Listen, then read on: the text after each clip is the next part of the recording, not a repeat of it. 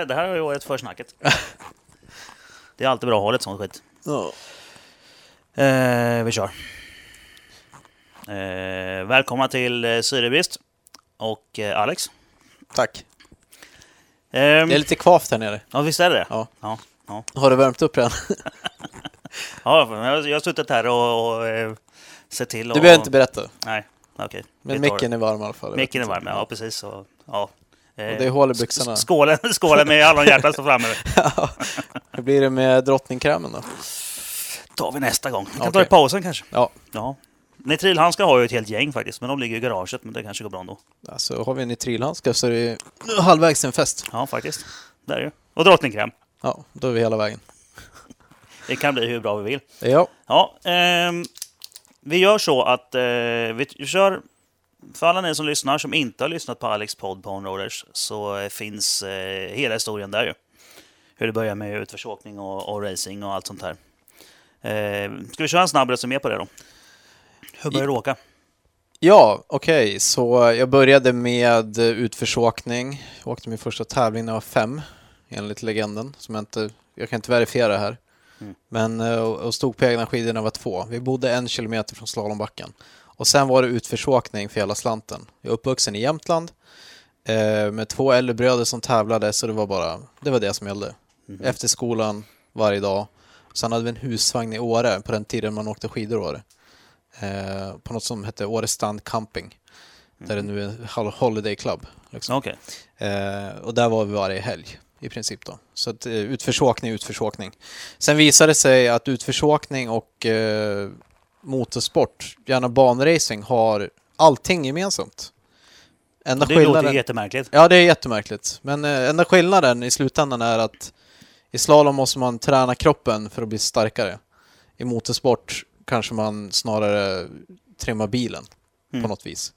Eh, men linjeval, känsla för fart och det här ryggradsbesluten man måste ta när det går fort och studsar runt. Mhm. På skidorna fladdrar det runt och bilen sladdar runt. Ja, precis. Vi körde ju något varv, eller jag körde något varv här på din rigg nyss. Mm. Du ser att jag sitter och vevar i Ja, kurvorna. Ja, ja. Det, det är samma man gör i slalom fast man korrigerar med skidorna. Mm. Och sen den här blicken man måste ha, titta vart man ska, så ska man hamna där.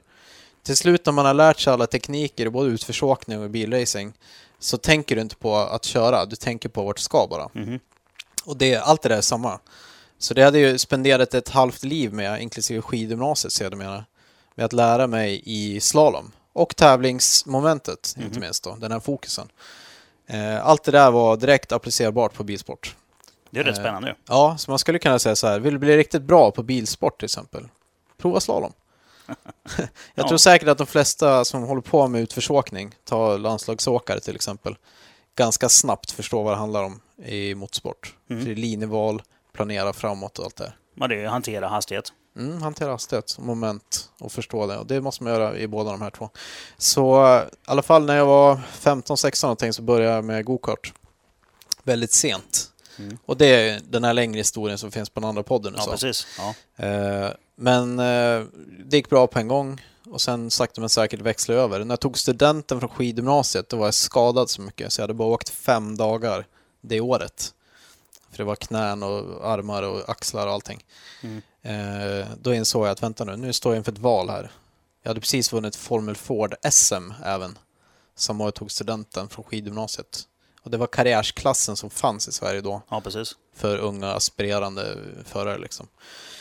Eh, och då var det, jag brukar säga så här, då var det antingen Funäsdalen minus 27 eller eh, Monaco. Liksom. Ja, Make Ja. your choice. Så det, då blev det det. Och eh, jag har inte tittat tillbaka sedan dess, utan sen har det varit racing för allt vad som går. Då. och du är nöjd med det nu? Jag är jättenöjd, för att det, den där fingertoppskänslan man måste ha för att åka den här sista sekunden, den kan jag säga helt ärligt, den fick jag från slalom. Mm. Eh, och det gick snabbt att sätta sig in i. Sen så gick det bra i motorsporten också, som sagt. Mitt andra år i racing så vann jag ju SM-klassen vi hade och började köra internationellt. Sen 2006 så vann jag en väldigt stor racingserie som heter World Series. Eh, fick köra lite F1-tester efter det. Eh, parallellt med allt det där så kom finanskrisen och vid det laget så hade jag en stor deal klar via en manager jag hade då som eh, innebar att jag skulle köra i ett Honda-team som hette Super Aguri. Det skulle jag köra i tre år. Ja, det var täckt av den här jättesponsorn. då. Eh, Jag vet inte, det kanske var någonting vi inte gick in i på förra podden helt. Ja, det är, ju- jag kommer ihåg det här med, för det, med eh, just det här med bankgarantin och det. Ja, För okej. det gick du in med på, på Ja, okej, då, podden. då finns det mer om det också ja, där. det finns med i den podden. Right. Och eh, hur den är så, där någonstans så eh, slog det halt liksom med världsekonomin. Och racing är en sån här sak som inte är nödvändig för att jorden ska snurra.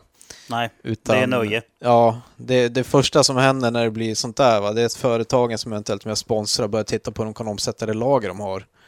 För att kunna få in lite likvid, Ja, snarare än att bränna bort det. Ja, Eh, så man skär ner på marknadsföringsåtgärder och sånt, så här, racing faller under och man kan lyckas manövrera dit. Det vill säga få den typen av sponsorer som krävs för den nivån av kostnader det är.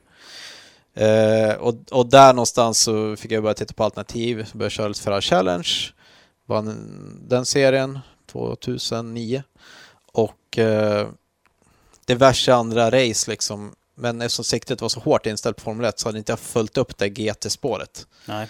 Så vill man vara bitter nu, så här på ålderns höst, vad då, nio år senare, så eh, kanske jag borde ha gjort det.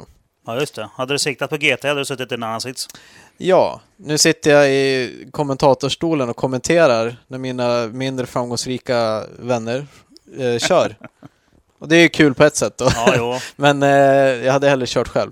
Mm. Eh, Ja, jag visst, kommer ihåg från, från gamla podden där att när du pratade om när du körde på spa ihop med Fettel. ja, till Ja. exempel. Ja. Och han sitter ju i rätt bra sits idag. ja, precis. Han har ju lyckats okej liksom, med tanke på sina förutsättningar. Ja. ja hyfsat bra. Men eh, listan är lång och jag skulle kunna nämna 50 förare här, men Mm. det är inte... Det, den burken vill inte jag öppna. Då blir jag deprimerad. Okej. Men däremot så kör jag fortfarande på olika sätt. Mm, precis. Och eh, man vet aldrig, förr eller senare, va? eller när som helst, så händer någonting. Precis som det gjorde senast här 2015 när jag fick ett meddelande på Facebook Messenger av en gammal ingenjör jag hade anställd i DMS, vårat racestall. Mm. Eh, sedan, vadå, fyra år tidigare, fem år tidigare. Där. Och eh, han frågade om jag ville köra VM i rallycross och få lön. Okej. Det hände. Ja. Jag kan ta, jag ska få se det meddelandet sen, för jag kan säkert hitta det. Eh, och sen gjorde jag det. Ja. Så det var ju, så kan det gå också liksom. Men eh, för det mesta så har jag försökt eh, efter, efter och kring den här tiden skjuta med hagelbrakare liksom för att försöka träffa så mycket som möjligt. Mm. Även om det är väldigt tunt. Mm. Eh, för att se om någonting fastnar så man sen kan gå hårdare på det spåret. Ja, precis. Eh, så, så, så det är väl min bakgrund i grova drag. Så därav har vi ju utförsåkning, eh, formelbilar, lite Formel 1-tester och sen helt plötsligt Nascar och Monster Truck. Ja, För det är inte speciellt likt. Nej, ja, precis. Eh, när eh, monstertruck-grejen liksom eh, sparkade igång lite mer på allvar 2014 då försökte jag tänka så, vad har jag för erfarenhet att luta mig på egentligen här? Inte så jättemycket. Nej. Men däremot när chansen kom i, i rallycross 2015 Mm. så tänkte jag, vad har jag att luta mig på här nu? Köra med fyrstrivna bilar på grus? Ja, kanske du är som monstertruckar ungefär. Vi ska Mm. hoppa lite grann och jag ska studsa ja. lite grann och bråka lite grann. Eh, och faktiskt så, ja, det jag kan säga att det var, var bra att jag körde lite rallycross där, för att det, det hjälpte mig. Däremot eh, hade jag aldrig varit på en rallycross-tävling eller eh, ens egentligen, jag hade aldrig varit på en rallycrossbana när jag började köra VM. Så mitt första VM-lopp, tack vare förseningar på bilen vi skulle tävla med. Min första, mina första riktiga meter på en rallybana med en, eh, eller rallycrossbana med rallycrossbil, det var första tävlingsheatet i Portugal i säsongspremiären. Det är rätt kaxigt eller det är inte helt sant, för vi körde fem varv på testet som var, eller Okej. fyra varv, sen brakade hjulupphängningen. Ja. Eh, och den här bilen vi körde förresten, den var hemmabyggd. Eh, toppnivå hemmabyggd visserligen då. Men eh, man har gjort belastningsberäkningar då på uprights och sånt och det var, det var för klent. Så det har varit en sån här, du vet, bara fem hål, kraftiga plåtbitar och sen skruva ihop det där. ja. Eh, Bultförband. Ja, så gott det gick. Och sen till nästa race så hade man gjort nya uprights som var starkare och så vidare. Sen hade vi den här processen med den här bilen då. Det var egentligen tänkt att vara ett tvåårsprojekt för det teamet. Mm. Eh, men de körde bara ett år på den nivån. Och sen eh, växlade de ner till en förare, det var ägaren av stallet. Och han körde EM då nästa Mm. år med, med den bilen. Så blev det. Ja, just det. Men där har vi alltså en, en sväng rallycross ju. Ja, lite av varje. Så att nu, nu är det egentligen bara rally kvar tror jag. Ja, Eh, det är farligt ju. Alltså det är en helt annan sport. Mm. Eh, och, och kudos till alla grussprättare. Alltså de för. måste ju plocka ur hjärnan och lägga den i en burk hemma medan de kör sitt race. Och sen hem och plockar in den igen. Ja, Alltså den hastigheten bland träden och grejer. Nej, det är helt galet. Pratar, är det möjligt att prata en hel del med Petter Solberg då? Mm. Under det här 2015. Ja, just det. Och han, han satt och jämförde lite rally och lite racing. För han hade ju doppat tårna i lite olika racinggrejer där han blev inbjuden till någon LMP-test och sånt här. Oj. Han bara, det är så jävla enkelt. Fan vad enkelt det är jämfört med rally. Rally för män. Typ Ja. så var han. Och det kan jag köpa. Det är otroligt. Det hade varit kul att testa va, men det, det är så lite an, Där korsar det inte Nascar lite grann. För där eh, har man en person som pratar i örat på en hela tiden. Okej. Så förutom att man kör ja. så ska man ju då, eh, ska en kartläsare i rally måla upp vägen för dig. ja, precis. Och sen ska man ju haja det mitt i allting. Ja, och det är ju några svängar framför det du, där du är just nu. Ja, jag kan inte ens... Man tittar på, jag brukar specifikt titta på lite ombord så här och tänka så här, okej, nu är han där borta där. Jag kan inte ens hänga med så Nej. långt fram. Man skulle Du behöva måste veta... ha någon form av konstigt teflonminne ju. Ja, så den där hjärnan, jag vet inte. Ja. De kanske byter hjärna. Ja, Till någon precis. som bara kommer ihåg vägar. Ja, Eh, men det är lite som med Nascar då, så där har du någon som pratar hela tiden med dig. Och beskriver vad som är runt omkring dig. Eh, och guidar dig, till exempel runt då. jaha. Min första Nascar-tävling var i K&N Series. K&N Pro Series heter den till och med. Eh, som är division 4 Nascar. Det var på en bana som heter Bristol. Och Bristol tar i Monster Cup Series, som är den högsta serien av Nascar. Mm. Den du ser på Viasat Motor. Mm. Eh, där tog det 14 sekunder på ett varv. Och eh, i den bilen jag körde tog det 15 sekunder. Ja. Så den var långsammare. Men den var inte skitlångsam liksom. Nej, inte så värst. Eh, och det är eh, sån här eh, minsta typen av valbana man kör. Half mile. Eh, så 800 meter lång. Och eh, 800 vans- meter alltså på ett helt varv. ett helt varv. Vansinniga hastigheter. En, en banking som man knappt kan gå... Nej. Nej, man kommer ut en kurva ska in i nästa. Jag blev Ja. faktiskt desorienterad. Jag visste inte vilken sväng jag var i. Nej. Och det var inte helt fördelaktigt för att de var lite olika. Mm. Eh, men när man skulle in på liksom och försöka... Du måste hålla upp tempot också för annars blir det bara... På träning till exempel så kommer det ju... Det var ju 40 bilar där Ja. på det här lilla varvet. Så du är ute och tränar, då måste du hålla upp tempot. Och ska du ner i depån, då måste du veta exakt vart det är någonstans. Ja. Och bara att räkna ut det tog ett par varv. Liksom när man väl tog det beslutet. Åh, vad jobbigt. Ja, det var häftigt. Det var verkligen intensivt. Det är inte alls som eh, banracing där man kommer ut på raka. Okej, nu ska jag lägga in några växlar, ska kolla tempar och, och liksom sätta mig till rätta inför nästa sväng. Mm. Utan här var det bara upp, ner, upp, ner, upp, ner, upp, ner, upp, ner. Och, Fan, eh, och framförallt, det mest konstiga då, det är att G-krafterna kommer inte åt sidan längre, utan de kommer rakt ner. Som ett Ja, stridsplan. bankat, ja. Ja. Eh, och det här, är ju, det här är ju vad vi skulle beskriva som skrothögar, de här bilarna. Mhm. Det är ju liksom ett chassi för totalt 40 000 och sen en motor för en halv miljon. Och det är så de rullar. När de öppnar huven på bilen, då är det som att öppna eh, en mussla ungefär. Och där ligger pärlan. Typ så. Sen, den här, det, motorn är allt. Mm. Och, och, och chassit är vad det är liksom. Ja, precis. Det är egentligen bara någonting, stödhjul till motorn. Ungefär så. Det, är som eh, på gatubil lite grann, ett par av de byggena.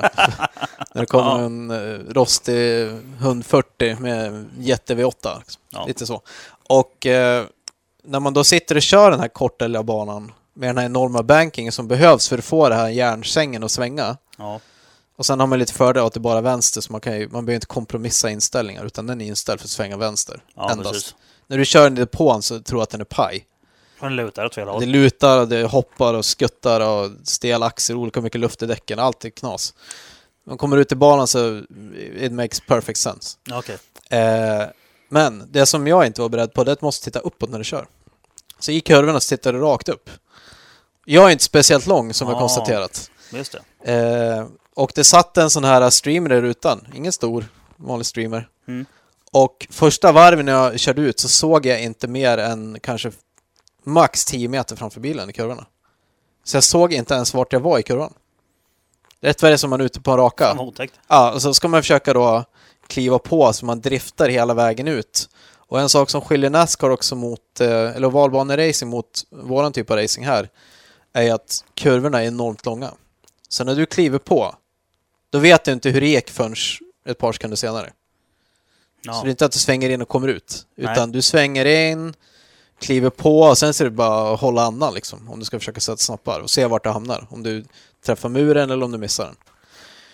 I alla fall så kom jag in då i depån efter första vändan där och eh, sliter bort den här jävla streamen för att jag såg ingenting. Nej, precis. Och efter det så såg jag lite mer, men det var fortfarande som... Nu är inte jag någon stort fan av tåg, va, men jag har ju fått pendla för det. Ja, När man står på perrongen och väntar på det här tåget som är försenat och sedermera inställt så har de ju såna här reklamskyltar där ja, de byter det. budskap. Ja, som rullar ja. Om du ställer riktigt nära en sån Mm. och så rullar det budskapet, så ser det ut när du kör. Det bara spolar. Det är som sådana här gamla Amiga-spel när skärmen bara rullar. Du, du vet. Det enda du ser är att underlaget rullar framför dig. Du vet inte vart du är, du vet inte någonting av det där. Så man måste titta uppåt. Åh, vad märkligt. Ja, det, det, det var... Ja, det är klart, när det är den bankingen och det svänger så mycket, då känns det som, då är det som att köra i en ständig uppförsbacke. Ja. Och eh, det här är någonting man inte, som jag inte hade reflekterat över alls i den nivån när man tittar på TV. Mm. Därför att då ser man ju jättebra. Ja, precis. Det är samma som när man tittar på eh, någon racing från Spa till exempel i Belgien, som Ja. är en av de häftigaste banorna. Så kommer de eh, liksom mot den här kurvan som heter Rouge och går lite upp och så svänger man ut. När du är där på riktigt, då är det liksom, det känns som det är 45 graders lutning nerför. Ja, jag Sen-. Sen ser det ut som att man ska köra in i den här eh, väggen där borta Ja, och krocka ungefär. ja. Det bara wow, så går det rakt upp för. Och när du väl är där så ser du inte vägen heller, då ser du bara skog och, och horisont, eller liksom himlen. Tills du kommer, så får du välja ett träd att sikta på liksom. Och sen får man ju bokföra det till nästa varv och så får man ju polera till det tills, det, Tills, man, tills det sitter. tills det blir klirr i kassan. Ja, den, eh, den, det lutar en rätt bra ner för där faktiskt. Och det syns ju om man tittar på, på depåbyggnaden så ser man Ja. att den är som en trappa i hela vägen. Yes, och det är enda gången man ser det. Mm. Och det, det är därför jag jämför det med Bristol till exempel, eller en, en bankad eh, half mile oval, därför att man, man ser inte förrän man sitter där liksom. Nej, hur dramatiskt det är. Så, hur kom vi hit? Jag vet inte. nej det, är är, här. det är som vanligt. Ja. Vi bara rullar iväg. Men eh, Nascar är alltså, det är ju... Det är ju om vi ska... Vi kan plöja av lite grann på det spåret så känner jag att... Det är ju inte, så, det, det är inte det man tänker sig från början, men du sitter och åker då runt här, ja, mest i Sverige. Och sen helt plötsligt så sitter du och kör en Nascar-bil. Vad hände där då? Så jag Hur blev eh, Facebook-meddelande. Ja, blev kontaktad av en person som eh, hade väl i uppdrag förmodligen att få in före i stallet. mhm.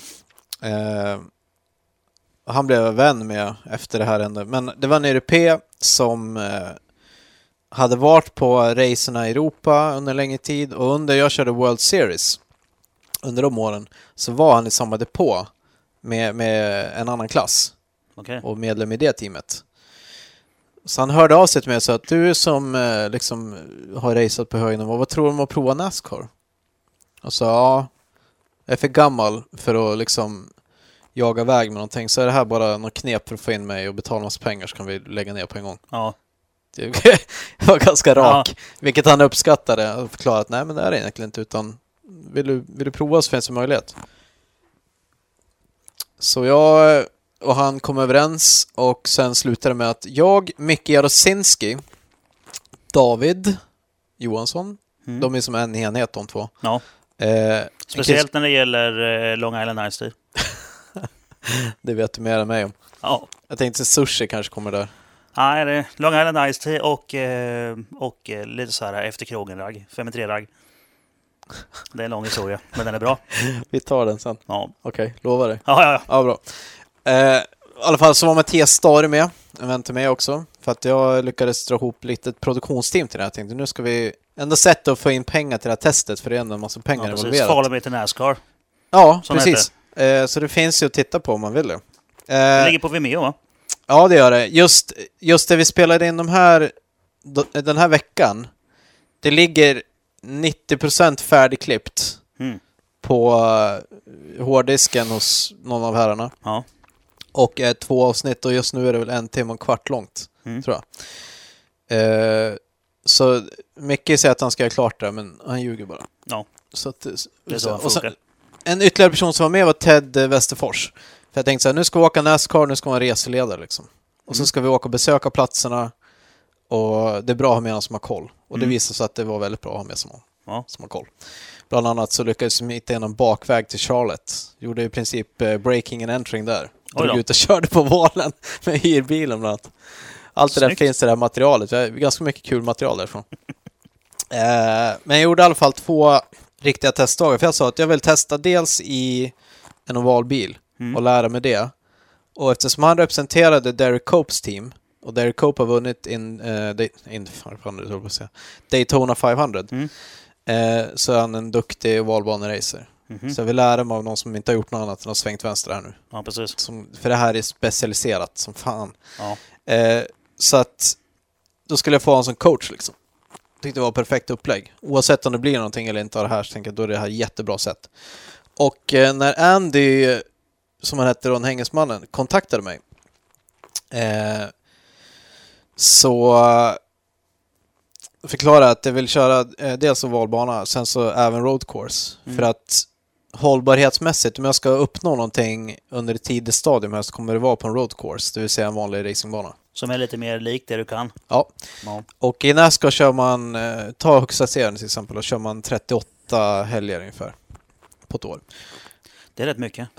Det är en hel del. Ja, Eh, jag tror de har två av dem som är road course-lopp, okej. så resten är ovalbana. Det är inte så mycket road course alltså. Nej, det är något man städar av. Ja, precis. Eh. Det, det, är därför, det är därför de egentligen har förtjänat det här med att de inte kan svänga. Ja, men eh, det roliga är att de är lika bra på racing eh, på vanliga banor Ja. som de är på valbanor. Att man, man kan inte begripa det som europé. Nej, nej Men, men, att att köra, så. men att köra en, en ovalbana fort, det är väldigt, väldigt svårt. Mm. Eh, och eh, när man ser ombordfilm från eh, till exempel en etablerad eh, ovalbaneförare, Matt Kenseth kan vi ta till exempel, Kevin Harvick, någon av Jimmy Johnson. Mm. Googla upp det när de kör eh, road course. Ska du se att de kan alla trick i boken. Som många här inte ens kan. Då får man säga att de är egentligen på så sätt bättre racerförare än de som är här. För att de kan både köra oval och road course. Alltså ett par av dem, Ja. absolut. Eh, och sen är det ju så också att de tävlar ju som sagt 38 helger per år. Det är mycket träning då. Eh, och när de inte tävlar, då träffas de och så kör de racing. Ja.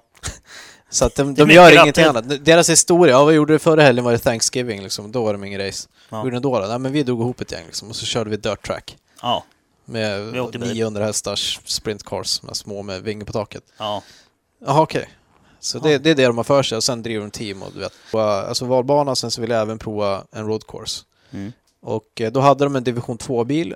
Det hette Nationwide då, hette Xfinity nu. Man byter sponsorer bara. Mm. Eh, och sen körde den här valbanebilen. Och ifall, eh, ifall vi någonsin får ut det här materialet så kan man ju kika hur det gick. Mm. Eh, men det var starten på det. Och efter de träningarna vi gjorde, två heldagar på olika banor, så kom jag väldigt väl överens med teamet och kände att det gick fort. Mm. Och jag vet inte om jag till och med slog varvrekordet på den här korta valen. Eller så var det någon tionde, en tiondel från oss. ja, men det är väl ganska okej för att vara där första gången. Ja, det var jättebra. Och det var så här, okej, han hajade liksom. Mm. Han verkar kunna göra den här uh, transition som de säger över från Ja, traditionell racing till, Till ovalbana. Ja. Men eh, så det slutade med att vi körde Bristol. Eh, tyvärr så pajade motorn på kvalet. Så att den gick på sju. Och jag missade kvala med i racet därför, för det var så många bilar. Mm. Med 200 delar. Åh nej. Och det var bara som en stor misständning hela varvet.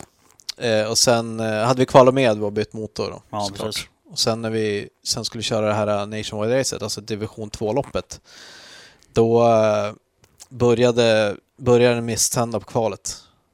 Och jag Nej. bara tänkte, det kan inte vara sant. På utvarvet, det är omöjligt att det här händer liksom.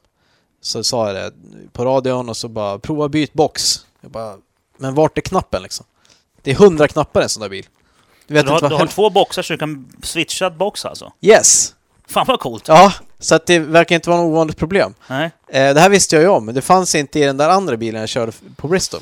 okej. Och sen hade det varit, rätt, alltså som jag sa, ett varv av 15 sekunder som du Ja. ska liksom, Ja, redan kört. när ska du hinna med liksom?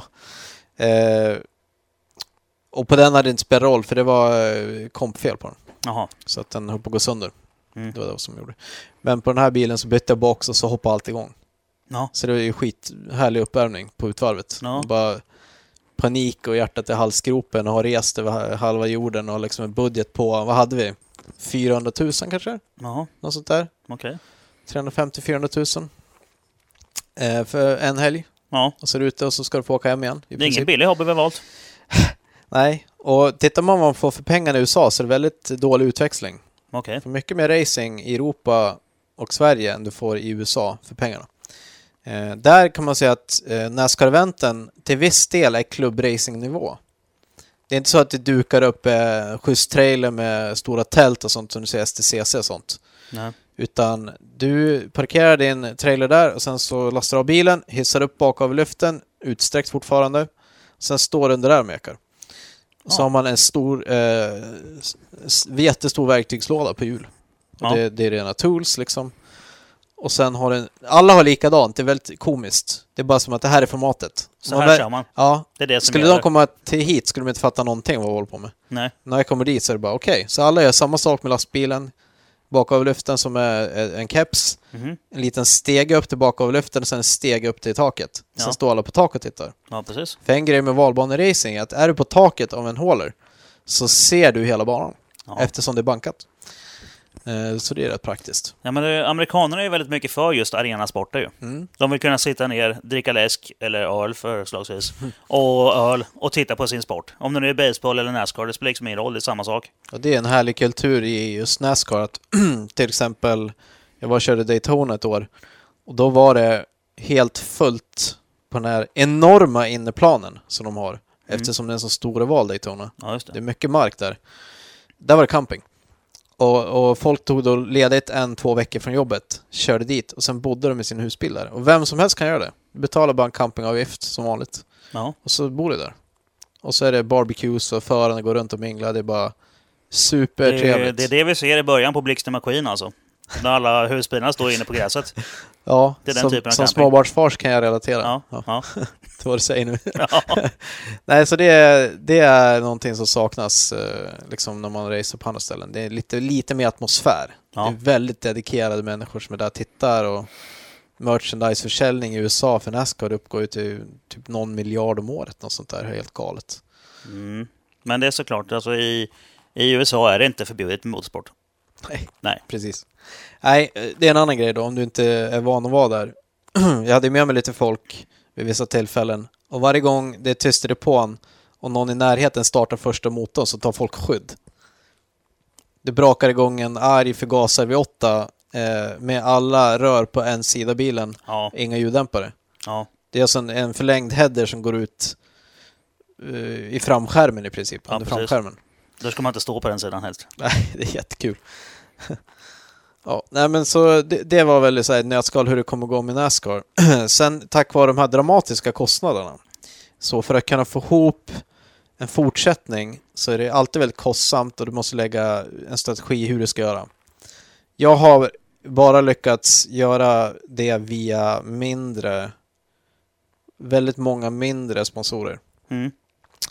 Eh, där alltså, avge- sponsoravgiften så att säga var mellan 5 000 och 20 i snitt. Ja, då blir det många om man ska upp 450 000 eller Ja, sådär. det kan jag säga. Ja, Sen eh, vid något tillfälle så har jag haft några lite större men det, det, det blir liksom 20-30 sponsorer. Och bara logistiken i att få ihop det ja, är, det är väldigt mycket. Alternativet, vilket var det jag jobbade på parallellt såklart, det är att ha någon riktigt stor Mm. och sen lägga en plan på ett antal lopp med en huvudavsändare. ja precis. Vilket är så man gör egentligen i Nascar. Ja. Eh, Så jag hade parallellt möten med ett par väldigt intressanta företag som var svenska i USA. Mhm. Där det var god, eh, väldigt god dialog och i många fall svensk ledning också. Så Mm. de mötena hade man på svenska i USA. Liksom. Trevligt. Eh, sen var det sam, det var lite grann som F1-historien där, att det kanske stöp på någon grej som var utomstående faktor när alla var Ja, överens precis. redan. Mm, men Men det är man... väldigt lätt när det handlar om sådana pengar och, och så här så, så liten tuva och stort lass. Mm, Det, ja, så är det. det ska ju mycket till för att få ihop det där skiten på slutet. Ja, och det, det man får, jag går in, gick in i det där med nyktra ögon liksom och Mm. visste om det. Båda grejerna så mycket som möjligt på en större plan Mm. med lite moment i. Eh, men det slutade, det, det har inte slutat än riktigt, men för tillfället så har det slutat med att jag inte fått ihop de här stora sponsorerna som behövs. Nej. Det är för mycket tid för mig att lägga, Mm. tyvärr, måste jag erkänna, för, för, med de här um, små racen med alla små sponsorer. För de som lägger små pengar, det är ju mindre företag, för de är det en stor grej kanske. Ja. Och, eh, och ja, du vet, därför är det inte bara så här, jaha 5000, ja men det kan jag få, det är inga problem, utan då har man ju någon uppgörelse som, vad får jag för det? Mm, precis. Eh, och att nå de, upp, de uppgörelserna samtidigt förhandla med team i USA och allt runt omkring som man behöver göra i USA på nattetid då, svensk tid. Ja, Det, det, det tar mycket om man har dagjobb och kanske barn och du vet, allt det här ja det, det blir mycket tid på det. Ja, så jag, jag bröt ryggen mig under ett par år och försökte lösa det. Eh, och eh, sen en annan grej som inte finns i Europa, det är att man har en licensstege. Och det är som att spela Gran Turismo. Du måste köra till dig licenser för varje bantyp. Jaha, Så att eh, det är en konstant förhandling mot Nascar. ja. Man får sitta och, och mejla fram och tillbaks, ringa eh, och sen luta sig på lopp man har gjort. Så fort man har kört ett race så hör man av sig till dem, förhandlar om nästa licenssteg och så här. ja. Så du måste bevisa det i varje steg hela tiden. Eh, och det är per klass. Jaha, såklart det. Så jag, kan, jag har till exempel licensstatus för att köra eh, division 2 på road courses då. Ja. Kanske kan köra division 1 på road course. Och det kan man ha en förhandling efter man har gjort mer tester. Vilket man skulle göra i så fall. Eh, sen kan jag köra trucks eh, på små och mellanstora ovaler och superspeedway, Talladega Daytona. Men jag kan inte köra trucks till exempel på en vanlig stor oval. Nej. Eh, då måste jag köra till mig det. Och eh, det gör man under test först. Och sen att man har tävlat i, säg att jag, om jag har haft ett bra race i mellan oval i en Mm. truck, som är division 3. Då kan jag gå vidare. Så att det, det där är, du vet, det krävs pengar för att ens komma Ja, till det precis. steget där man kan börja köra de stora häftiga bilarna. Men vi säger att, att eh, Nascar-drömmen har inte dött, men eh, det är lite trappsteg. Yes. Och sen nu, eh, jag har alltid älskat amerikansk racing. Mm. Eh, jag började följa Nascar intensivt 2004. Okej. Då såg jag varje träning, varje kval, varje race. Och det är ganska många. Ja. I stora Vad var det, klassen, 42 racehelger? 38 Ja. var det då. Jag vet inte hur många det är nu, men det är 30 någonting. I både stora klassen, i, alltså i Cup och i det som heter Bush då, bytte till Nationwide och sen Xfinity nu. Ja, Och i division 3 som alltid varit Trucks. okej. Eh, så jag såg alla race, alla kval, alla träningar från alla de tre. Så jag la ju varje natt jag hade på att sitta vid datorn och titta på de här grejerna. Mm. Eh, det är fantastiskt om man sätter sig in i det. Eh, nu har jag en, en större möjlighet med monstertruckar som det är. Ja. Som också är en fantastisk företeelse. Ja. Där man kör eh, lastbilar på en crossbana. ja, det är helt vansinnigt. Det är faktiskt vad man gör. Ja. Och, Men eh, det, det här är väl... nu- För nu, nu glider vi in på, på Monster Truck och det tycker jag låter som en bra idé. Men som jag har förstått det, så, alltså, eller som det verkar när man tittar på det, Monster Truck är väl egentligen, eh, är inte det lite som drifting eller konståkning? Det är väl en bedömningssport? Det är en blandning. Mhm. Eh, man kan tänka sig att eh, man skulle kunna göra samma sak i skridskor. Det vill säga, du har bedömningsdelen där man åker fritt och gör sitt program. Ja, Men sen har du även speedskating också i så fall. Okej. Vi kör ju racing med monstertruckarna. Eh, det är det första man gör varje... Det, det kallas ju show i Mm. monstertruckar. Ja. Så varje show börjar med racing. Då är det på tid. Ja, Så då kvalar man först på tid. Man kör ett varv. Det brukar ta eh, tju- cirka 20 sekunder. Ja. Och sen blir man upparad i en stege. Så ettan möter tolvan. ja, Och sen är det utslagstävling. Och tills det blir en final då. Ja. Där någon vinner. Okej. Eh, Men så, då är det, är det hopp och grejer på den, eh, Det, också. Ja. det är, eh, om du tänker en, en plan, vilken typ av plan, som fotbollsplan till exempel. Ja. Så kortsidorna är det bara svänga runt. Mm. Sen på långsidorna, mitt på dem, så är det en ramp där man... Eh, ja, så man, kör, man kör på... Totalt kör man på tre stycken långsideshopp på ett race. Mm. Så du går i mål i luften. Ja, precis. Så du startar, ramp och sen passerar du det som blir mållinjen sen då. Så startlinjen är lite längre bak än mållinjen. Ja. Så, så man hoppar tre gånger. Och eh, när man gör det, det, och det, åh, det ser ju lätt ut. Jag kan säga att man är inte lika kaxig när man sitter där fyra meter upp i luften Nej, med, med något som är vingligt va. det är och- inga, det är inga små bilar där. Alltså, jag kommenterade att det var lite vingligt i riggen här. Ja, det är ingenting mot hur det är i en sån där. Och sen har man bakhjulsstyrning och det, det är så man byter riktning på en sån. Mm. Och eh, när du håller in den lilla knappen, för det är bara en switch. Ja, precis. När du håller in den, då börjar bakaxeln gå i det tempot den kan producera eh, el till bakaxeln. Ja, Den vrider hela bakaxeln. Mm. Sen när du släpper den, då går den tillbaka i samma tempo. precis. Så du måste ju veta exakt hur du kommer sladda. Ja, om du måste, du måste släppa knappen precis innan du vill Ja. vara rak. Ja, ja långt inte, innan. Inte, ja, men ja, precis. Inte, inte när du ska vara rak, utan innan dess. det och är tajma lite, in det där. ja, det är trixigt. Mm. Och eh, som vi gör då på den här Europas-turnén, där jag, eller den internationella turnén ska jag säga, där jag i huvudsak har kört nu. Mm. Eh, det är lite som att köra hyrkart. Du vet inte vad du får förrän du kör den. Eh, Sen får man anpassa. Så vissa bakhjulsstyrningar går dubbelt så fort. Ja, Då sitter man kanske bara och knuffar den. Dyrt, dyrt, dyrt. Ja, eller så håller duttar lite grann. Ja, och det måste man göra. Ska du, det, på det viset är det likt rallycrossen till exempel. Och att ska du svänga där borta måste du börja här. Ja, Så du börjar... Du kör det här starthoppet. Så här, så här går det till. Första tre sekunderna av ett Monster Race är eh, stanna den lite grann på bromsen. mhm. Titta på lamporna. Du har ettan i. Eh, och sen... Starten är lika viktig som i rallycross. ja. Så exakt när det blir grönt släpper du bromsen och, och, och nailar gasen. Och, och då varvar du upp ettan ganska fort. De varvar ju 8 500 varv de här. Ja, Det är 1500 häst. Eh, 9 liters V8 på metanol. ja. Eh, Det är så rätt du, så manliga motorer. Den hoppar iväg. Ibland kan det hjula iväg. Eh, och i samma skede som du har full gas så ser du inte längre rampen. För nu sätter den sig ju. Ja, precis. Alltså det sätts ju en meter, Ja. typ. Eh, och så fort du har varvat ur ettan, vilket är ganska snabbt, då lägger du i tvåan. Det är en powerglide, så du slår Ja. i tvåan på växelväljaren.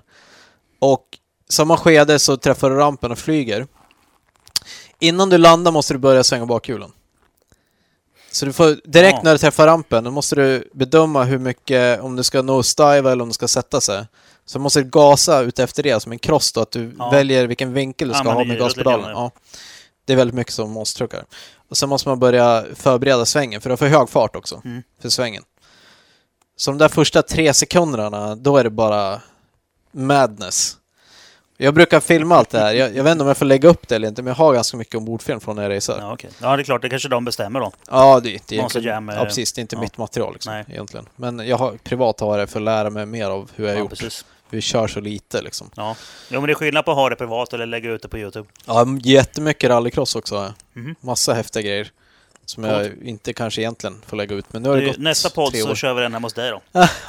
Och så är det bärs och eh, incar-film efteråt. ja det, är, det är rätt coolt. Jag har med mig datorn förut. Ja, Det är bara att ja men. Men, men eh, så de där första sekunderna i, i monstertruckar, då måste du vara rejält skarp alltså. Mm. Och sen när du har studsat klart efter landningen och då är du mitt i svängen, då ska du ha koll på hur mycket du har svängt bakhjulen och hur mycket, liksom, hur, hur mycket sladd du får, hur underlaget är, för det ändras för varje runda. Mm. Det är en typ av lera eller packad sand man kör på. Ja. Eh, och sen så måste man liksom börja gasa. Det blir väl lite grann som en speedway då? Att du hyvlar av översta laget och sen får grepp. Ja, fast eh, tar man bort... Du kan komma ner på plywooden som är under, för det här körs inte på permanenta arenor. Ja, eh, utan här är det så att, eh, säg att du, i, i vanliga fall är det gräs under. Ja, precis. Och då har du 48 timmar på dig att göra den här föreställningen så tar bort allting. Ja. Så de bygger upp hela eh, tusentals ton liksom med lera Ja. och sen ska allt bort. Eh, så du vet, 10 minuter efter att folk har börjat gått, då är, då är det åtta lastbilar liksom. inne. Ja. Ja. Så får den riva bort allting, för annars dör gräset. Mm. Och eh, det skyddande lagret emellan är plywooden. Okej. Och sen ligger den på någon plastduk tror jag. Mm. Eh, så att ibland kommer det på plywooden. Ja. Då blir det lite annat också. Ja, spännande. Ja, så det, det är betydligt svårare än man tror. Ja. Jag skulle säga att det, det kanske är det svåraste till och med att köra. Och det är racingdelen det är den Ja. som är gemensam då med... eh, Med, rallycross. m- ja, Rallycross eller racing i övrigt. Ja. Sen kommer det in på poängbedömning. Ja. Och då är det helt andra saker som gäller. Lekstugan. Ja, det är lekstuga. det. Det är verkligen lekstuga. Och sen eh, förhoppningsvis då så gör man någonting spektakulärt Ja, eh, i det formatet man kör. Man kör ju dels freestyle som är två minuter, gör vad du vill. mm. Det, det är det som avslutar showen för man slutar oftast på taket ja, eller med någonting paj. ja. Eh, och för att spara truckarna lite så gör man andra saker innan då. Mm. Eh, och då är, kan det vara donuts, Mhm. donut-tävling. Ren huligankörning. Du, eh, eftersom du kan svänga bakaxeln så kan du få rätt bra fart i din donut. Ja, precis. Så du har full De har gas. sett på TV. Ja. Eh, Full gas med 1500 hästar Ja. och donuts. Ja, och, Ja. och svängd bakaxel. Ja, det var roligt. eh, och ibland så slutar man på taket. Det har hänt mig. Och det, det har hänt alla. Liksom man, rätt vad det är så ställer den sig upp på två hjul. Mm. Och ibland går det att rädda, ibland går det inte. Mhm. För att du kan inte, du hinner inte svänga tillbaks bakaxeln. Så lång tid. Nej, precis. Det Det går ju- inte så fort. Nej. Eh, så det är den delen. Sen har man eh, two-wheel trickery, kallar jag det för. Man ska köra på två hjul på olika sätt. Ja, Hoppa, sky wheelies, eh, försöka hoppa upp på en ramp och fortsätta på bakhjulen sen. ja just det. Sådana saker. Eh, och allt det där är poängbedömt. Ja. Eh, och i slutändan så, det spelar egentligen ingen roll om du vinner eller kommer sist.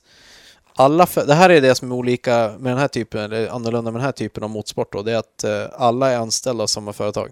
Mhm. Så eh, du har ditt gage så att säga, Ja, oavsett precis. om du lägger den på taket Ja, och inte kör är ni ju skådespelare mer än, än, än tävlingsmänniskor. Man kan, man kan säga det, men eh, det är en enorm intern konkurrens. Mm. Och ifall du vill ha mer betalt av företaget, Och då du måste, du vara bättre. Ja. Ja. Eh, och jag kan säga det att några av de bästa förarna jag har träffat kör monstertruckar. Mm. Och det är också sådana som har vuxit upp med racer hela livet. Och haft eh, kanske egna truckar eller fyrhjulingar eller de har varit ute i swamps i Florida och mördat liksom Mm. hela dagarna. Eh, så att det är inte speciellt lätt motstånd, är det inte. Nej. Men eh, väldigt kul. Så, så här, vill man... eh, Alla är skådespelare? Nja. När, det, när man sitter i trucken och kör, då kör du så bra du bara kan. Ja, precis. Oavs, det är aldrig någon Ja, egentligen det som bara gör rullar igenom det. skådespelare försöker göra så bra han kan också. Och vad är viktigare än allt annat? Att vinna. Ja, eller egot skulle jag säga. Ja, Ja. Jo, men det... Du vill inte göra bort dig. Nej, och så du gör det är ju... bästa. Det, huvudsaken är inte att man deltar, det är att man vinner. Ja, precis. Det gäller inte att vinna, Nej. utan komma först i mål. Ja, precis. Bara det. Ja, nej men så att eh, alla gör det bästa de kan. Mm. Så Mm. man, ska, man kan säga, det är showförpackning. Ja. Men sen när, det, när man tävlar och har hjälmen på sig, då är det benet. Ja. Liksom, verkligen. Och det är det som gör att det är spektakulärt. Jag tror ingen som har varit på en sån här show någon gång varit missnöjd. Nej, förmodligen inte. Jag har ju aldrig varit och sett det live, men eh, jag har ju sett på TV rätt mycket. I år så får du möjligheten om du åker till Oslo. Jaha. Är närmsta tävlingen. Man har Okej. kört i Stockholm sedan det började med internationella shower. Ja, Och tror det var 2004 eller 2005. Eh, och i år blir första året det inte är. Ja. Eh, och man kör Oslo istället. 2019 är det tillbaka igen. okej. Ja, då får vi se. Ja, då väntar vi något år till då. Då tar jag med ungjäveln och åker dit.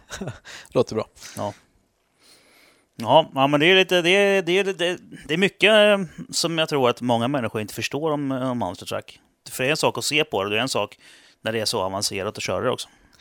Det finns många aspekter. Jag kan beskriva lite grann hur det känns när man kör. Ehm, det, det bor ju liksom en eh, granat under högerpedalen Ja. till att börja med.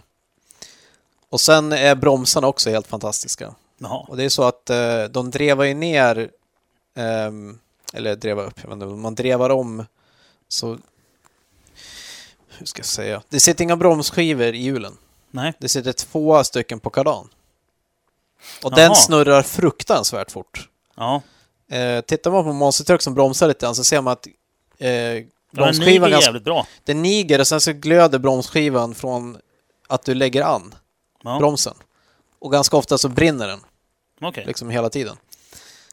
Det är lite coolt. Men Ja. eftersom man har den utväxlingen på, eh, Ja, kardan jämfört med däcken. Ja, så så, så bettar bromsarna väldigt bra. Ja. Du mörd, alltså, de får ju slita ont alltså. Ja. Eh, och sen är du då på väg mot ett hopp här. Och eh, kör du lite för fort så flyger du upp i läktaren. Kör du lite för långsamt ser det bara löjligt ut.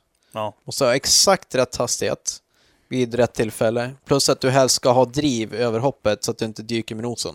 ja, för det ser inte snyggt ut heller. Nej. Och Kanske det- kan slå sig med. Eller? Ja, ja, det kan man göra. Eller framåtvolt Mm. kan man till och med göra. Ja. Och eh, när man kör dem i depån ska jag säga, så kör du på en liten sladd som ligger, då studsar hela trucken. De är stenhård. Det ser mjukt ut, Ja. men det måste vara en geometrigrej. Och sen vet jag att de gör det där för att eh, fjädringen är med för att trucken inte ska gå sönder när du landar. Ja. Det har ingenting med dig som förare att göra, att det ska Nej. bli bekvämt. Ehm, I Höljes rallycross så har man ett ganska stort hopp. Man kör. Bilarna flyger rätt högt. Mm. Eh, och så landar de och så, man märker inte ens att man landar.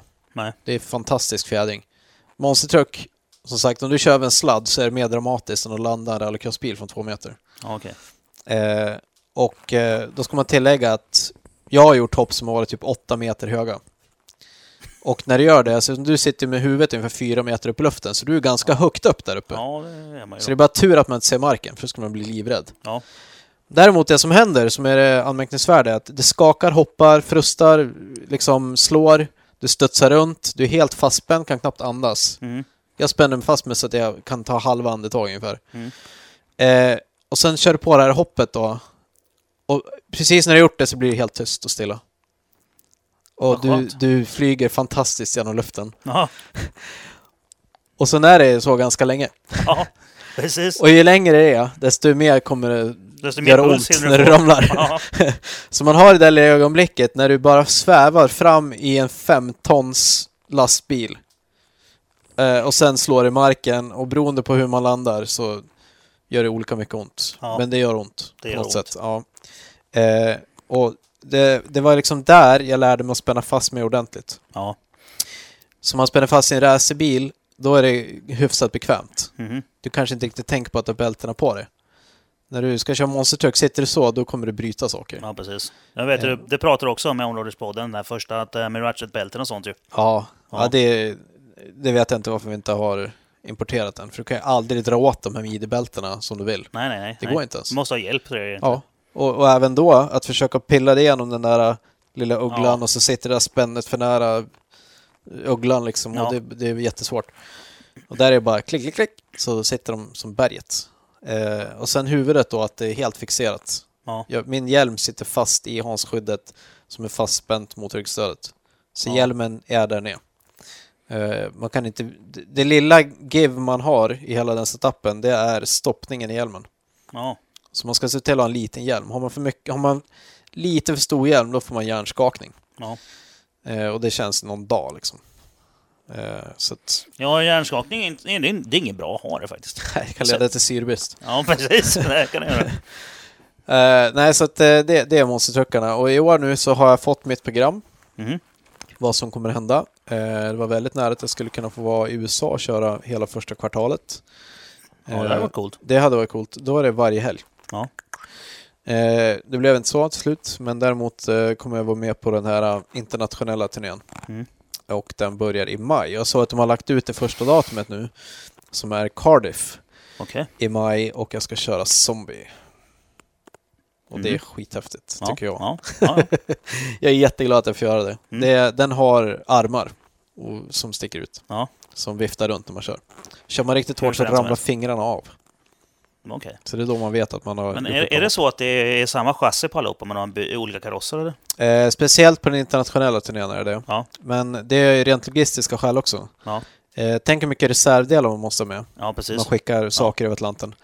Om man då ska ha olika axlar på alla truckar Ja, det och det det olika dumt. Ja. Ja. Så att de har ju samma, samma motor, samma ram och eh, det mesta av delarna är samma. Mm. Karosserna är ju vilt skilda. Ja. Men vissa marknader till exempel, eftersom det är kommersiellt baserat där, så kanske, säg att Hot Wheels, som är en truck, har, har, har, de finns i det landet och de sponsrar eventet. Då är det Hot Wheels med där. Ja. Nästa land kanske inte Hot Wheels finns liksom etablerat. Då plockar de av den karossen och Släng sätter på en Ja, annan. precis. En annan. Eh, så det gör till exempel att Max D finns en truck som heter. Det är den näst mest kända. Mm. Eh, det är den enda trucken som har motorn fram. Och eh, där föraren sitter på vänster sida. Annars Jaha. sitter man i mitten. Ja, precis. Men på Och mittmonterad motor också ju. Ja, precis. Eh, snett nedanför arslet liksom. Ja. Och eh, på den internationella turnén så är Max D en vanlig truck. Ja. Så att säga. Eh, ja, just det. Men i USA så är det den här med motorn fram och allting. motor fram, förare till vänster och inga Ja. krängningssömmar Nej. på dem. Det är lite trixigt. Eh, och sen Gravedigger kan man se för den är alltid grön. ja, precis. Den är grönmålad, men det är samma ram. Så Ja. men den är Men grön. den är grönmålad Ja. bara. Ja, för du vet. Det känner man ju igen lite grann. Ja. Grön och lila liksom. Ja, yes. Och kombi och en flagga bak också. Bara det liksom. Den är väldigt lik Big Swede. Om du kommer ihåg den trucken som eh, byggdes på 80-talet här i Sverige. Nej, det har jag ingen aning om. Eh, då får du googla Ja. eh, igen. Ja. Och eh, jag har pitchat den idén. För det är inte så att man måste gjuta en ny kaross. Nej, det är bara måla Du om. kan, du kan ta samma kaross. Ja, du och kan sen- ta Gravedigger-karossen och Ja. måla om den bara. Den är så ofantligt lik den. Ja. Eh, faktum är att Arne, som han heter, som byggde den, Mm. han håller till i Söderhamn. Okej. Jag har varit upp med min dotter och provsuttit i den och kikat. Ja, den bilen finns kvar fortfarande. Den står på hans eh, verkstadsparkering. Svinfränt. Ja, och så har han propeller också, för den gick att köra vattnet. Eh, han kom på det att vänta nu, det är väldigt mycket luft i däcken här. Ja, precis. Så han körde ner den vattnet och, och det gick, går ju att styra också tack vare att ratt. Mm. Sen kom han på att vänta nu, så hade den en axel från en traktor så att eh, den har inte så mycket effekt den Nej. trucken. För det var på den tiden det var ballt att bara ta sig upp på en bil och Ja, kö- man körde ner igen. med dem bara. Ja. Mm. Eller typ. Alltså Ja. det, var så, det, var så marknaden var då. Ja. Men då hade den en traktor, traktoraxel då, eh, med, med ett eh, effektuttag på. Mm. Eller vad det heter. Så satt en propeller där. Så att jag tror den gör typ eh, fyra eller fem knop med propellern och två utan. eh, men han hade även målat en, han hade köpt en RC-bil, en Gravedigger, och målat den som Ja, Big det. Swede. Ja. Du ser ingen skillnad. Det är lite fascia liksom. Ja, Det ja. går att fixa. Så Det är klart det ska, den ska målas så när du kör den. jag har, jag har som sagt pitchat det. Mm. För att ska man till exempel bli en permanent fixtur, då är det bra en hook. Ja, precis. Och eh, heter, finns en truck som heter Big Swede, då kanske man är locked in där. Kanske man Ja. kan vara kvar sen. Ja, Det precis. finns inte så många svenskar. Nej, det gör det inte. Kör! Det, är- det blir ju lite uppmärksamhet på det också. Jag tror det. Det blir kul. Vad har de sagt då? Eh, jätteintresserade. Det finns en intressant story också för att eh, jag har följt monstertruckar även faktiskt på nära håll Ja. sen jag var liten. Och eh, Big Swede, Arne Linding vill jag säga att han heter, han kom till eh, Östersund där jag är uppväxt Mm. och eh, körde en uppvisning där. Jag ska säga ett årtal nu som jag är osäker på, men 88. Mm. Eh, och jag var där. Och eh, så, just det, han öppnar karossen så också, så man ser hela ramen. Ja, just det. Ja. Den öppnas uppåt hela karossen. Eh, jag stod ju reglad, det var det häftigaste jag sett liksom. ja, det är klart. Det, han körde över några bilar på parkeringen där och lite något, något hopp liksom. Ja. Eh, samtidigt, parallellt med det, så hade vi en VHS-kassett hemma som hette Bigfoot. Ja, Och det var tillsammans med Gravedigger de två som egentligen utvecklade monstertruckar. ja, det var väl lite där det började. Ja. Eh, och den där hade jag ju tittat på tills den var genomskinlig. Ja, Hundratals gånger. ja. Lång, lång dokumentär, så jag har alltid varit intresserad. Jag hade till och med ett av de första monstertruckspelen som kom till PC. Och det var Mm. början av 90-talet. Körde vi dem där. Och, så att eh, där fanns det gott om intresse och en bra backstory dessutom. Mhm. Att Ja, jag var jättebra. där och tittade och hejade Ja. och nu gör vi en egen liksom. Ja. Vi får se. Jag har alltid följt med konstiga idéer. Ja, Och som sagt, det där var ju ett utav eh, haglen i hagelbössan. ja, precis. Så får vi se vad som kan hända. Det Mm. vore kul om det blev av. Ja, det skulle vara döfränt. Faktiskt. Och sen med, då- med en sån bil med, med, med ditt tema på också. Ja, ja det ska vara kul. kan bli skitcoolt. Vi får hoppas på det. Ja. Vi får väl se. Men det finns ju andra spår som du kan köra på också. Som kanske inte genererar samma typ av, av uppmärksamhet och deg, men eh, jag menar, du är ju med oss och leker lite också. Det är ju... Så här, jag, håller, på- jag kommer ihåg nu att jag har kört Elit motorsport typ Mm. sen jag började med go-kart. För Mm. även där är det liksom riktigt hög nivå. Ja, Nu har jag ju barn som kör själv så jag vet ju det. ja, Ehm, Jag började med go-kart som en... Jag körde väl något race kanske 96. Eh, och körde på riktigt första gången 98 kan man säga när vi bestämde oss för att nu gör vi det här och ser om det kan gå bra. Ja. Du vet, skaffa en ny ram och lite sånt. Och sen dess har jag hållit på med elitsport, elitmotorsport i syfte av att vinna och bli bäst. Liksom. Ja, precis. Eh, och eh, då har det ju bara kostat pengar. Ja. Det finns ingen genväg där. Det kommer kosta pengar. Teamen är, har inga egna sponsorer, men man har kostnader och det finns en marknad på förare. Mm. Så kör du till exempel World Series som jag körde, ska du köra det, eller GP2, det är den typen av, eller Formel 2 heter Ja, det nu. numera ja. Eh, Mm. Den typen av kategori under F1. Det kostar 20 miljoner. Ja. Och lägger du 25 miljoner så blir det bättre. Ja. Sen eh, är ju alltid, eh, det är alltid egentligen två förarstall Mm. och ekonomin är fördelad så att man har en totalbudget som kanske är 40 miljoner då. Mm. Där man prioriterar internt i teamet och beroende på vilken status man har, hur bra man uppfattas vara. Mm. Så är du ett riktigt, riktigt bra team, då tar du, eh, låt säga, då kan du ta 25 miljoner per sits. Mm. Då kan du få in 50 och göra en vinst på 5 och, och, och driva toppstall. ja, precis. För att eh, förarna betalar för sin plats. Ja. Ja. och i det läget så är det knappt förarna som betalar, då är det olika utvecklingsprogram som Ja, betalar. Ja. Eh, Men det är väl föraren som får dra in pengarna till ja, teamet. ja, men de här toppstallen i, i de här klasserna har alltid eh, placerat, eh, har fått förare allokerade sig av till Okej. exempel Renaults talangprogram eller Ja, Mercas talangprogram och så vidare. Så de är alltid, de är alltid affilierade. Mm. Du kanske driver Red Bull-bilen i den serien. Ja, För det är inte Red Bull som gör, men de finns i alla de här serierna. ja. Eh, i, I World Series där jag körde var det Carlin till exempel som drev Red Bull-bilen. okej. Så att då har de en Red Bull-förare allokerad hos sig. Ja. Han kommer med dekoren Ja, och så betalar Red Bull pengarna. ja. Så toppteamen brukar ha några sådana.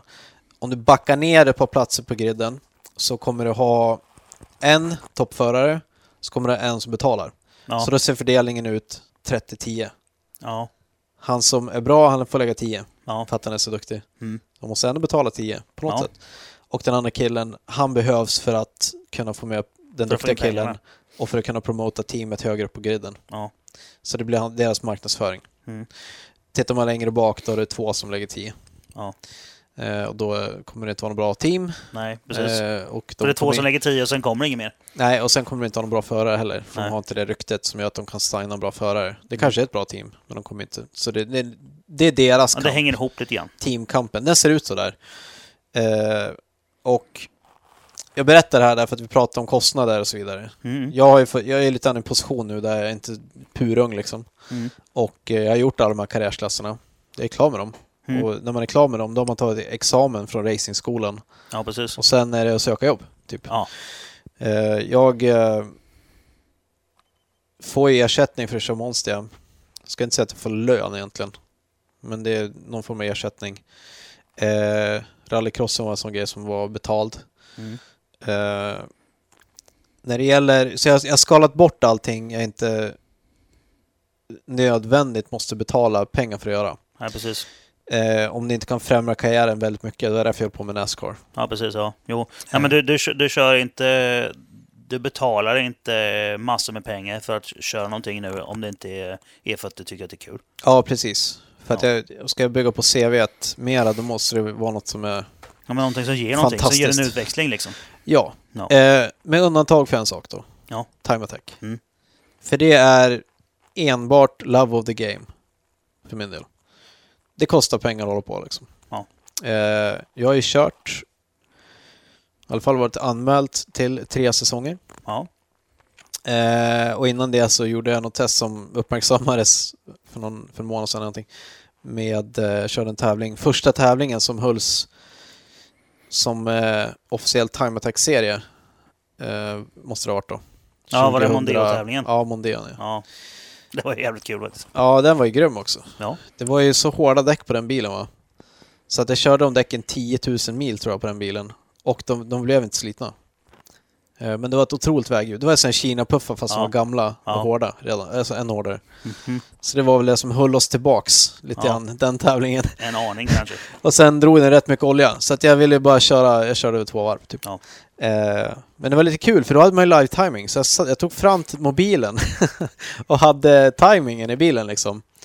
Eh, så jag körde ett snabbt varv, kollade hur jag låg till och sen så fick jag däng och så va, jag provade en till då liksom. Eh, jag tror jag kom trea där. Mm. Det var två Evosar före. Kinnekulle. Mm. Och jag tror kanske jag hade coolaste insugsljudet. ja alltså jag har spakat eh, ST220, heter den ju. Ja, Från Västervik till eh, Elmia en gång. En Ja. påsk. Det var när Puppan hade en sån som tjänstebil. okej. Jävlar vad skönt ljud alltså. Det lät, om, om du spel, vi som gillar eh, dataspelsracing här, Ja. eller simracing om man ska vara mindre nördig liksom. Ja, precis. Så, eller mer nördig. Fanns det, det började med något som heter Toka. Det var BTCC. Ja, Och där hade de Volvon, de hade Nissan, de hade Renault, de hade Mondeon och så vidare. Ja. De har nailat motorljudet i det spelet. kul. Och enda anledningen att välja Mondeon, det var motorljudet. Ja, För det var inte den snabbaste bilen, det var Nej. Nissan. Men vad skönaste ljudet i den. Ja, och sen Volvo 5 förstås. Mm. Men, men eh, och, och det jag gjorde på mina, jag har haft eh, tre stycken sådana. Jaha. Olika årsmodeller, alla blå kombi för den tycker jag är snyggast. Ja. Eh, det var att jag tog bort huvudisoleringen och satte in sportfilter. ja. Sen är man klar. Sen låter den. Eh, vill, man, eh, vill man liksom tulla lite mer då får man ta bort en ljuddämpare. Ja. Det, det kan vara på en wishlist faktiskt. En till sån här. Ja. Alltid, jag försöker sluta liksom. Ja. Men alltid när jag ska köpa en bil så bara oh, Titta skulle haft där. en ST. man kan inte, det är ett köptips till alla. Man kan inte få mer bil för pengarna än en 2004 års ST. För då kom den sexväxlad. Ja. Innan var det lite jobbigt motväg för det hade ganska mycket varv. Ja. Ja. Då pratade om bränsleekonomi för det vart onödigt. Ja, precis. Men eh, du har ju 220 hästar, eh, eluppvärmd framruta, Recaro skinnsportstolar som för övrigt är det jag kör simracing med hemma. Ja. En sån. Ja. Eh, och all tänkbar utrustning. Och du hittar en sån för någonstans mellan eh, runt 20-25 000. ja, det är ju rätt bra. Och väghållningen. Eh, anekdot, kort anekdot. Ja. Jag har haft sponsor Ford under jag körde Formel Ford i England. Och Det Mhm. var inte Ford centralt, men det var Fordhallen i Östersund. Ja. hette den. Och eh, första åren, första två åren jag var där, hade jag en Ford Ficus. Mhm. Och sen eh, tredje året så lanserades ST'n, ST220. Jag bara, grabbar, på något vis måste vi lösa det här. Alltså. ja. Jag måste ha en Jag, sån. be- jag kommer behöva vara i en sån här bil. Eh, sen fick jag fick till slut ta deras demobil, helt ny ST220. Med 18 tums fälgar original. Och det här var alltså 2003, även om du kommer ihåg 2003. Jo då. Var du ball hade du 17 tums fälgar. Japp. Här kommer Big Daddy, Rolling on 18s. Jaha. Och sen hade jag en snygg sån här grå silverdekor längs den här blå sidan. Det var en skitsnygg bil.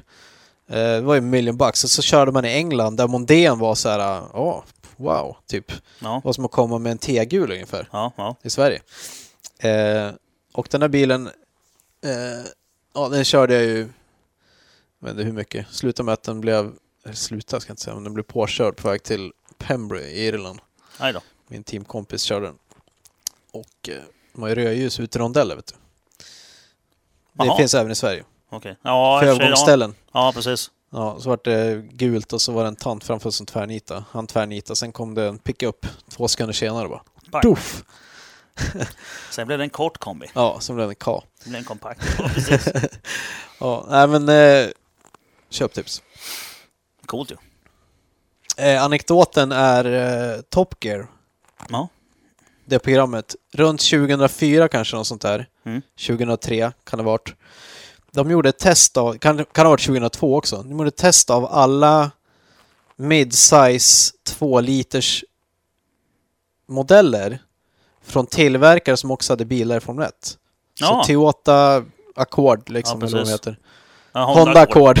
Ja. Toyota 626 då kanske, eller något sånt Nej, där. det är Mazda. Toyota Ja, måste vara. Camryn i så fall. Ja, det var väl en Camry. Ja. Nej, Avensis var det. Precis. ja. Fanns den då? Den här första som var mindre. Ja. Eh, men och så vidare, så var det BMW eh, 320 och så var det en Merca. Mm. Och då tänker man så här, det finns två bakhjulsdrivna bilar i det här testet. Ja. Det var, det var Mercan och BMWn, så de skulle vara värst. Eh, och det var de. Mercan hade lite mer effekt för den hade kompressor. Ja. Men, men men BMWn var, de var ungefär lika snabb. Något sånt där. Förutom Mondéen så var jag även sekundsnabbare. Sådär ja. Två liters vanlig 140 hästars Mondeo. Ja. Eh, och eh, det skvallrar om ST20, ST220. För väghållningen är fenomenal. Mm. Mm. Eh, av någon anledning så verkar racingavdelningen jobbat på den där bilen. För att jättelitet lätt svänghjul. Du gör ett två växlingar blir belönad. Mm. Det går bara att växla mjukt om du kastar i växlarna. Jaha. Annars hinner varvet sjunka. Ja, just det. Så den är... Ja, det är... Uh, Det måste vara eh, världens bästa bil alltså. vad gör du ikväll? Jag känner att jag behöver kanske besöka blocket. Ja. ja, ja, ja. ja jag, ska väl, eh, jag ska väl kanske snickra kolfiber ikväll, men det... det vi kan ju ha... Kolfiberinsug på en ST220. Ja, varför inte? Nu snackar sig. Ja, det låter nog inte dumt. Det kör vi på. Och så måste vi bygga om den så det är separata spel också, det är det ja. Ja, ja. jag är med. En ST220 med separata spel och kolfiberinsug då. Kan jag tänka dig min lycka då när jag bodde i England, körde min ST220 och företaget jag jobbade på som var Palmer Sport, som också är ett tips. Mm. Gå in på palmersport.com och kolla vad de har för körutbildningar där. Mm. Eh, där har man bland annat en, en eh, LMP-bil ungefär, en öppen LMP-bil. Det vill säga en sportvagnsprototyp Mm. som ser ut som Le Mans. Och eh, de lanserade de där bilarna då, det var SUS som är en känd tillverkare och sådana här som har byggt dem. Speciellt för Palmer Sport, som Ja. är det största stället i världen för det här. Eh, eventkörning alltså. Ja, ja. Eh, och så försedde de alla med 3 liters Ford Mondeo SD220 motorer. Coolt. Hell yes. Ja, men jag har sett lite bilder därifrån. Jag vet inte, jag tror väl att eh, Peter Werner har varit där en sväng. Och så vet jag inte om Gustav var där också tror jag. En sväng. Ja, just det. Och var inte Filip där kanske? Jo, det, det stämmer nog. Filip också Det var nog ett par där. Då kan Ja. du fråga dem. Men eh, riktigt häftigt. Man åker på olika stationer. Så kör man eh, Clee Cup-bil på en station som är en bana. Så kanske Ja, kör en Jo. Formelbil på en station. Det är någon som har dragit det här i en podd också. Ja, Förklarat alltihopa. Jag kommer inte ihåg vem det var. helt klart värt det. Jag jobbade där mellan 2001 och 2003, så tre år. Eh, som instruktör då. Ja, kul. Och eh, vart en hel del... Ja, det finns en hel del anekdoter där också. Nåväl. Ja, jag fick ju faktiskt när jag fyllde 40 en, eh, en eh, ja, på Uppan och grabbarna, en... eh, Det måste varit länge sedan. Nej, det var förra året. Ja, jag tyckte du såg så gammal ut. Ja, precis. Tack. Och då fick jag en, 40 också. Ja, då fick jag en, en, en, en simulatorutbildning i jag tror Manchester, Birmingham. Ja, lysande. Ja, vi har inte kommit dit än bara. Det kommer förmodligen skilja sig en del från det här spelet vi körde nyss. Ja, troligtvis. Vad, är det, vad var det för företag? Jag kommer inte ihåg, men jag har lappen som ligger någonstans. Jag ska ta fram den sen när vi kör paus. Vad kul. Det finns, det finns en simulator, kan jag tipsa om också, i... Eh, inte Södertälje, men söder om Stockholm. Jaha. I närheten av Stockholm. Som eh, ett eh, gammalt SLC-team som jag körde med en gång, som heter Team Extreme, har hand om. Mm. Ägaren heter. Joakim. Har inte de var inte den bilen orange? Eh, de, var, ja, de var röda i vart fall. Okej. Eh, de hade Citroënger. De Ja. hade två stycken Sarer och sen så hade de en Sara som var en ex-Hansen-bil. Som rallycross-Sara. Mm, mm. Med en Viper-motor. Sådär ja. Ja. Jag fick starta den men tyvärr så de hade precis byggt om växellådan eller något sånt där. Och de hade, det var någon som hade glömt en skims i kopplingen eller något sånt. Det Ja, kom ett halvt utvarv ungefär, sen var kopplingen i botten. Så det var ju synd. Men då hoppade jag in och körde en av de vanliga Sarerna istället. Jaha. Och eh, långloppsracing är väl det roligaste man kan hålla på med typ. Ja, men det är ju det är mycket åka för pengarna. Ja, och sen är man med ett gäng polare. Ja, Alla är liksom, det är inte någon sån här liten konkurrens som det blir annars i traditionell racing. nej. Man låser in sig i sitt garage och sitter nej det, med sina det, det, det är mer så här alla hjälps åt och myser. Ja. Men det är lite grann så i Time Attack också. Time Attack, det, jag menar inte Time Attack, jag tänker på traditionell racing Ja. där man alla är en konkurrent. I Precis. Time Attack kör man inte mot någon. Nej, Där kör man ju med dem snarare. Liksom. lite grann så. Eh, så där får man ju den här härliga grejen man inte får i vanlig racing. Och det är också det som har tilltalat mig till varför jag ens håller på. Att man håller på och myser lite i depån. Ja, och sen eh, liksom undantag för om, om någon kör av bakom en liksom. Så Ja. är, man oftast polare. Ja, precis. ja. Ja, det jag, jag, tycker, jag tycker om... Jag körde ju... Framförallt mecka ju i eh, roadracing förr i tiden. Och eh, på, på eh, nordisk nivå. Och det var ju, det var ju också jävligt skönt. Alltså, det var riktigt skön känsla. Man, alla vi mekaniker sprang omkring och hade liksom ja, drack lite bärs på kvällen och hade myspys och lagade hojar. Och, och förarna, de, de var, det var rätt bra sammanhållning med dem också. Inte Mm. riktigt som vi, men ändå. Problemet som jag har kunnat skönja ett mönster liksom. Man kan antingen göra så att man kommer in och är buddy-buddy och så man polare med alla Mm. innan säsongen börjar. Men då kommer det vara osams med alla när säsongen slutar. Okej. Så någonstans längs vägen, eh, eh, liksom under 10-15 års sånt här va. Så är det bara, ja man kan vara artig men eh, man har få polare liksom. För att ni kommer köra på varandra. Och då Mm. kommer någon säga att det är någons fel och sen så är ni osams. Ja, Så det är bara, då har man typ haft det där onödan. Och så ja. blir man less för att det blev sådär. Mm, mm. Så det är nästan bättre att hålla alla på en arms avstånd när man ska racea dem. Inte bli för mycket kompis med dem. Nej, det kommer Nej. skita sig. Historiskt liksom. Ha, histori- Men om man kör olika klasser då? Ja, ja, då är det en helt annan sak. Ja, då är det en helt annan sak. Då kan man vara polare med alla. Ja, men det är bra. Det är Tills bra. man hamnar i samma klass. Ja. Ja, jag, ska, jag ska inte byta klass, jag kommer fortsätta köra pro. Så det är lugnt för mig på den skull. Men då kan jag leka med grabbarna i Pro Street.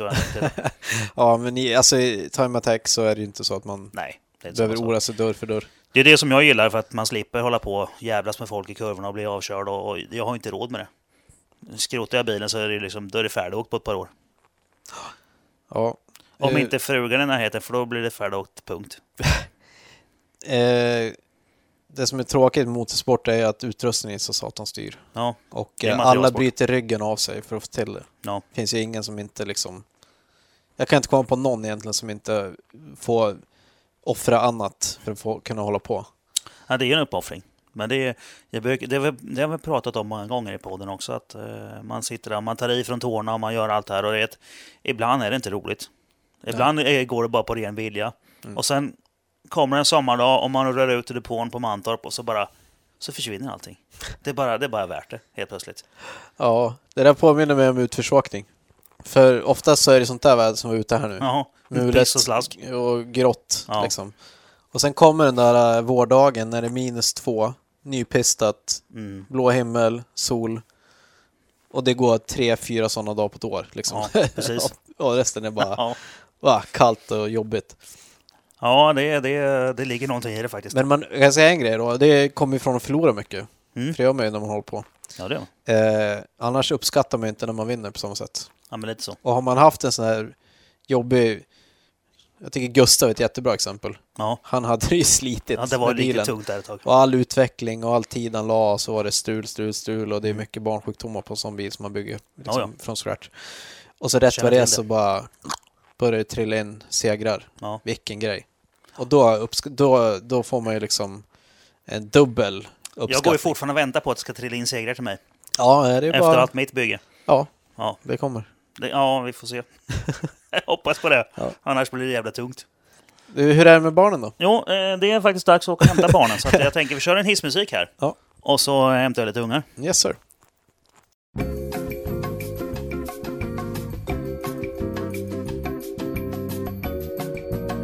Då så, då är vi tillbaka från hissmusiken och vi avslutade med eh, de här fina dagarna när man kommer ut och det är, allt meck får löna sig. Fin musik ni hade också. Ja, visst var det? Ja, jag dansar hela tiden. Nej, men det är, det är den tiden på året nu också där eh, vi skymtar våren. Mm. Ska snart ställa om klockorna och eh, jag tror att det kommer eh, dra ihop sig här nu till tester och annat. När vi pratar nu, som är lite tur, så ska jag åka ner eh, om ett par dagar till Mm. Italien och eh, göra lite förarcoachande. Det Men det var, snö, helst. ja, det var snö på den banan igår. Oj, Till och med där. till och med så där. ifall att det är smält så är jag två dagar på Misano nästa vecka. Vem eh, ska du coacha där då? Eh, Ferrari Challenge Europa-serie. Coolt. Det har jag gjort i fem år nu. Ja, ja. Såklart. och nu kommer Elise igen.